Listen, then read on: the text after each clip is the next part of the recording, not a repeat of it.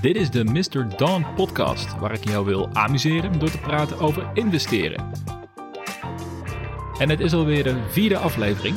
Het is koud, er ligt sneeuw buiten, dus laten we vooral snel beginnen. Zoals gebruikelijk geef ik in deze aflevering een korte update van de afgelopen week op de beurs. Bespreken we een thema of een vraag. Geef ik een update over mijn portfolio en sluiten we af met het aandeel van de week. Beschouw de informatie in deze podcast puur als entertainment, want ik ben geen financieel adviseur. Ik hoop natuurlijk dat ik jou kan inspireren met deze podcast. Maar je moet zelf weten welke aandelen je in bezit hebt, dus doe altijd je eigen onderzoek. En dan gaan we van start met de update op de beurs van de afgelopen week. En het was een vrij rustige week eigenlijk. Eh, de vorige aflevering hadden we het over GameStop, waarbij de short squeeze ervoor zorgde dat de koers eh, behoorlijk was gestegen in, een paar dagen tijd. Nou een klein beetje zoals verwacht, maar de storm is gaan liggen en GameStop is inmiddels teruggevallen van 325 dollar naar ongeveer 60 dollar. En ik las afgelopen week een artikel over een Nederlandse student van 19, die zijn hele spaargeld had ingezet. rond de 230 dollar per aandeel had ik berekend. Waarmee hij wilde eh, meeliften op een snelle hype die was ontstaan. Nou, hij is helaas inmiddels drie vierde van zijn, eh, van zijn investering kwijt. Dus ik hoop voor hem dat het aandeel nog wat verder stijgt. Of anders dat hij er een goede les uit heeft geleerd. Maar nogmaals, ik heb het bij de vorige aflevering al aangegeven. Pas op met FOMO.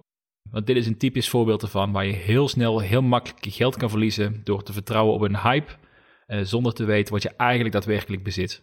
En daarnaast was er nog een verhaal met een aantal brokers. Die hadden bepaald dat je onder andere GameStop en nog een aantal aandelen alleen nog maar kon verkopen en niet meer kon kopen. Je vraagt je af wat is daarmee gebeurd in de afgelopen week? Um, tot dusver helemaal niks. Dus het blijkt me weer dat zodra je geld hebt, eh, dat je niet heel veel zorgen hoeft te maken in de kapitalistische wereld en eh, zeker niet in, in Amerika. Maar het is een ander verhaal voor de posterboy van deze GameStop short squeeze. Er is namelijk iemand op Reddit die al sinds 2019 meerdere video's heeft geplaatst op zijn YouTube-kanaal over GameStop, over de short squeeze. Dat zijn redenen om fors te investeren in het, eh, in het aandeel. Hij is ook degene die op een gegeven moment 50 miljoen euro in de, in de plus stond door uh, een bak aan opties te hebben op, op GameStop. Hij is degene die op dit moment wel wordt, ge, uh, wordt onderzocht door de SEC. Terwijl je vanaf 2019 terug kan kijken wat zijn redenen waren om te investeren. Maar goed, zo zie je me weer als je als een particulier erin stapt en je neemt het op tegen grote hedge funds.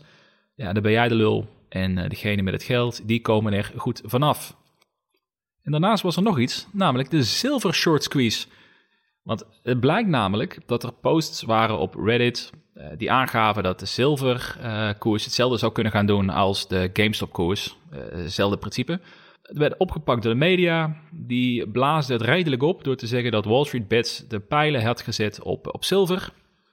Alleen als je daadwerkelijk het forum hebt bezocht in die periode, kon je al meteen zien dat de gebruikers valikant adviseerden tegen een silver squeeze. Dat eigenlijk aangaven dat dat onmogelijk is. Maar het, het werd eigenlijk een soort self-fulfilling prophecy door de druk die de media daarover, uh, daarover gaf. En in enkele dagen is de prijs inderdaad redelijk fors gestegen, maar inmiddels staat het weer op het niveau voordat er aandacht aan werd gegeven. En zo kwam uh, de week eigenlijk redelijk rustig tot, uh, tot zijn einde. Dan kunnen we door naar het volgende onderdeel van deze podcast. En dat is namelijk het thema of vraag van de week. En deze week wil ik het hebben over het verschil tussen een defensief portfolio en een agressief portfolio. Ik krijg hier eh, steeds meer vragen over, omdat ook de, eh, de perceptie ontstaan is dat de markt behoorlijk hoge prijs is. En dat, daar ben ik het overigens mee eens. Dus er komen steeds meer vragen over ja, hoe kan ik nou mijn portfolio inrichten dat ik redelijk voorbereid ben op een eventuele correctie of op, uh, of op een slechtere economische situatie.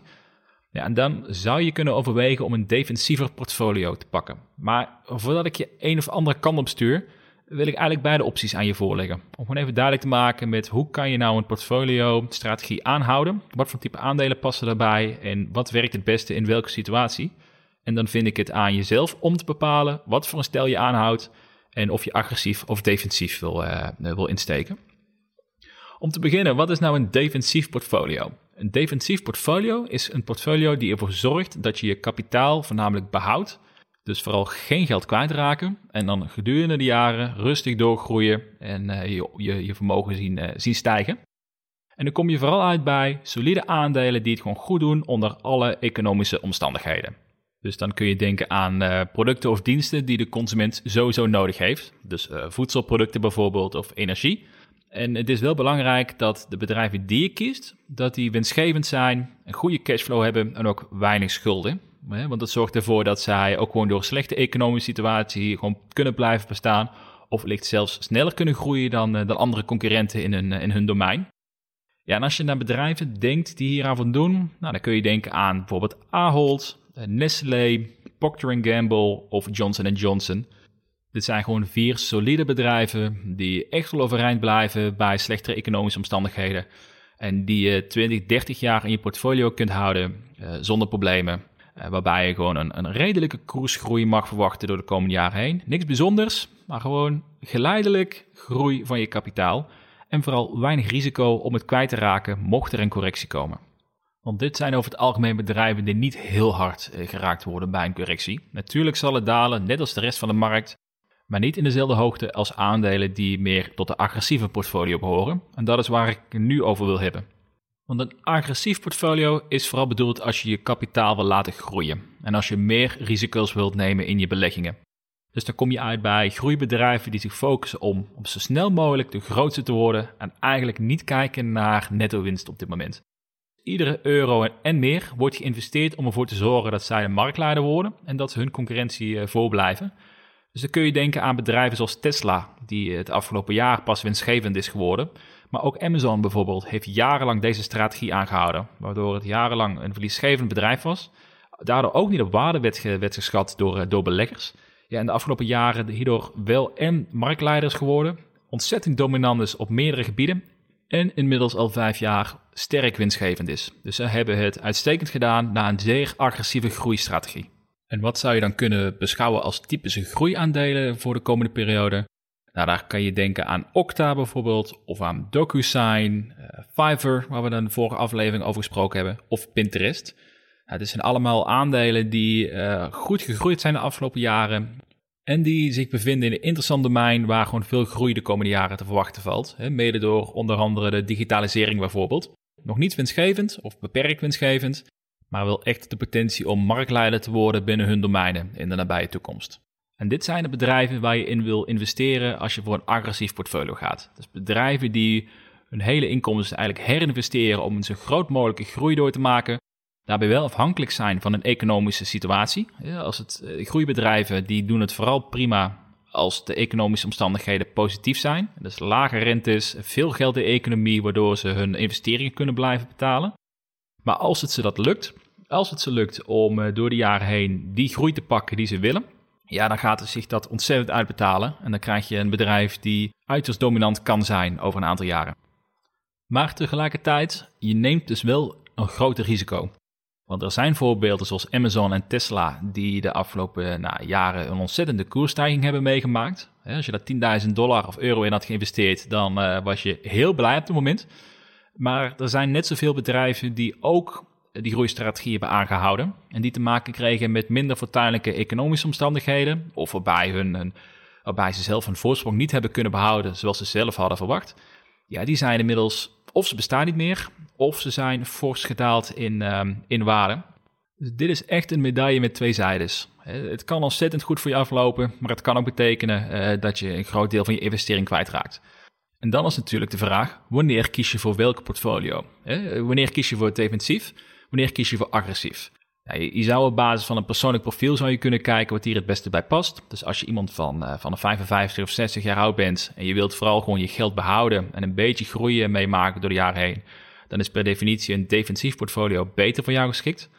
Uh, maar als je iemand bent, begon het begin 20, je begint net met beleggen en je hebt nu nog weinig kapitaal mee te spelen, maar je wil echt stappen maken, dan kan je wat agressiever zijn.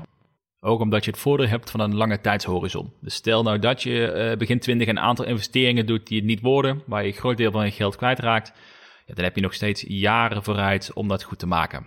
Over het algemeen zou je dus zo, uh, zijn, zijn dat redenen waarom je zou kunnen kiezen voor een defensief of, of een agressief portfolio. Maar laat je daar vooral ook niet volledig door leiden. Het heeft ook te maken met persoonlijke voorkeur. Dus het kan ook zijn dat je zegt van nou, ik wil gewoon minder risico nemen. Ik wil gewoon geleidelijk naar mijn, naar mijn doel, als ik 60 of, of 70 ben. En daarvoor wil ik een, eh, een defensief portfolio, want dat past beter bij mij.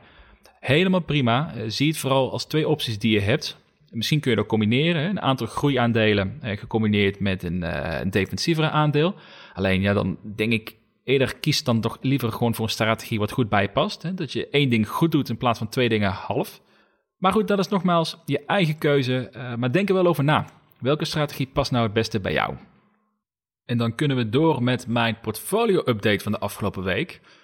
Opnieuw, ik heb heel weinig te klagen gehad, want de eerste week van februari heeft geleid tot een totaal rendement van 15%. Nou, dat is vergelijkbaar eigenlijk met de hele maand januari. En eigenlijk iets waar je voor het hele jaar dus tevreden mee mag zijn. Dus ik heb vooralsnog helemaal niks te klagen.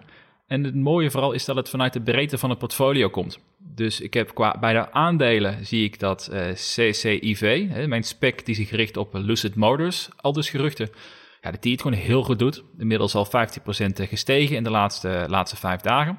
Maar ook mijn grootste holding Canoe is met 15% gestegen. En naast mijn aandelenportfolio doet ook de cryptocurrency het uitstekend en zit hier weer in een, eh, in een duidelijke groei. Dus in totaliteit heb ik helemaal niks te klagen over de eerste fase van, eh, van februari. Als je kijkt naar nieuwe posities die ik heb geopend in de afgelopen week, dan zijn er twee specs die ik heb toegevoegd aan mijn portfolio. En dat zijn namelijk de ticker ITAC en ACND. Nou, ik zou de naam kunnen uitspreken van, de, van hoe het volledig heet, maar dat, dat gaat je weinig zeggen. Want het zijn allemaal coole namen Acquisition Corps, dus daar, uh, daar doe je niet veel mee. Maar beide specs die staan heel dicht bij een bodemprijs en beschouw ik voornamelijk als een, als een spaarrekening. Met de toegevoegde waarde dat beide zich op een domein richten die ik heel interessant vind. Dus waarbij ITAC zich richt op artificial intelligence, voornamelijk kleine bedrijven waar een enorme groei in zit, richt ACND zich op eh, het creëren van het digital entertainment bedrijf van de toekomst. En dat is ook iets wat, wat binnen mijn uh, circle of competence valt en waar ik interesse in heb. Dus allebei een soort spaarrekening XXL, zo zou ik het willen beschouwen. En dan gaan we door naar het aandeel van de week, want die zit namelijk ook in mijn portfolio. Dus ik ben wat dat betreft ben gekleurd. Uh, maar het aandeel is de afgelopen week ook rond de 13% gestegen. En met een goede reden, want het valt namelijk in een domein waar de populariteit absoluut is teruggekomen. En ik heb het niet over elektrische voertuigen dit keer, maar ik heb het over 3D-printing. Het aandeel van de week is namelijk Desktop Metal, oftewel ticker DM. Desktop Metal is een bedrijf die zich volledig richt op 3D-printing, maar dan niet met plastic, maar zoals het al aangeeft, met metalen. Ja, en dat is echt een voordeel wat nog geen enkel ander bedrijf heeft in de markt. Ze zijn echt uniek en innovatief op dat, uh, op dat gebied. En ik vind het een knijter interessant domein om in te investeren, omdat ik denk dat waar je jaren geleden 3D-printing vooral werd gezien als nice to have, eh, leuk, je kunt wat plastic gadgets kun je uitprinten. Maar Desktop Metal heeft een, uh, heeft een systeem bedacht waarmee je massaal metalen onderdelen kunt printen. Dus stel je voor dat je autofabrikant bent en je hebt eh, dagelijks duizenden onderdeeltjes nodig die heel specifiek zijn afgestemd op jouw auto. Ja, dat zou normaal gesproken moet dat extern gemaakt worden, geleverd worden naar je fabriek en uh, nou, hopen dat het op voorraad is. Maar met het systeem dat Desktop Metal heeft ontwikkeld, wat in de tweede helft van dit jaar daadwerkelijk op de markt komt, daarmee kun je in één klap precies 3D printen wat jij nodig hebt als fabrikant. En dat gaat naar mijn idee het verschil maken tussen de adoptie van 3D-printing tot echt maar op de productievloer in plaats van dat het een nice to have is. En als investering in 3D-printing heb ik een bewuste keuze gemaakt voor Desktop Metal. Eh, want er zijn natuurlijk ook andere concurrenten die ook een veel aantrekkelijkere waardering eigenlijk hebben om, om aandelen van te kopen. Maar dit is de eerste speler die metaal en andere harde metalen kan printen op een massale schaal. Daarnaast hebben ze hoge marges. Ze hebben een verdienmodel met recurring uh, omzetstream. want je hebt zowel hun printer nodig, maar ook hun materiaal. De vulling heb je nodig wat zij, wat zij leveren. Dus het, het, als je klant bent bij Desktop Metal, blijf je ook terugkomen om het te kunnen blijven gebruiken. Ze hebben een globaal distributienetwerk wat al reeds aanwezig is. En daarnaast hebben ze ook nog eens een keer een flinke cashpositie, rond de 600 miljoen dollar, waarmee zij dus verdere groei en acquisitie kunnen, uh, kunnen betalen. En het komt mede doordat zij ook gelanceerd zijn vanuit een spec. En daardoor hebben ze dus extra groeikapitaal meegekregen. Dus naast het feit dat ze al de meest innovatieve partij zijn op dit gebied, hebben ze ook nog eens een keer de financiële middelen om die groei verder door te gaan zetten in de komende jaren en hun concurrentie voor te blijven. Als je kijkt naar de waardering, daarbij staat Desktop Metal wel relatief hoog ten opzichte dus van andere, andere partijen. Het is geen goedkoop aandeel, uh, zeker niet als je kijkt naar de huidige revenue. Maar als je kijkt naar de groeipotentie die dit bedrijf heeft en ook de groei van dit domein, wat de komende jaren nou, 25% per jaar zal groeien, eh, is de verwachting. Ja, dan zit je wel in een van de groeidomeinen van de komende jaren. En daarin is Desktop gewoon de nummer één speler, zoals ik het nu wil inschatten. Dus ja, gewoon een hele interessante partij om in te investeren eh, voor de langere termijn.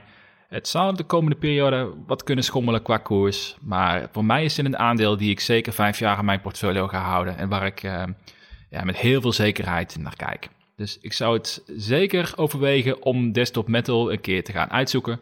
Maar nogmaals, ik heb het in mijn portfolio, dus ik ben gekleurd wat dat betreft. Maar duik er vooral zelf in en kijk of het iets is voor jouw portfolio. En hiermee komen we weer aan het einde van deze aflevering van de Mr. Don podcast. Wil je nou meer weten of lezen over aandelen, cryptocurrency of investeren in startups? Ga dan naar mrdon.nl, waar wekelijks vier nieuwe artikelen worden gepubliceerd. Je kunt je daar ook aanmelden voor de nieuwsbrief, waar uh, unieke content in te vinden is. Of je kunt onderdeel worden van de Mr. Don Community, wat uh, door middel van een Discord-channel open is voor iedereen om, uh, om mee te praten met andere beleggers die het leuk vinden om hierover te babbelen en hun ideeën te delen met anderen. Dus meld je daar gerust voor aan als je dat leuk vindt. Dankjewel voor het luisteren naar de Mr. Don podcast. Ik hoop dat je het leuk vond en graag tot de volgende aflevering.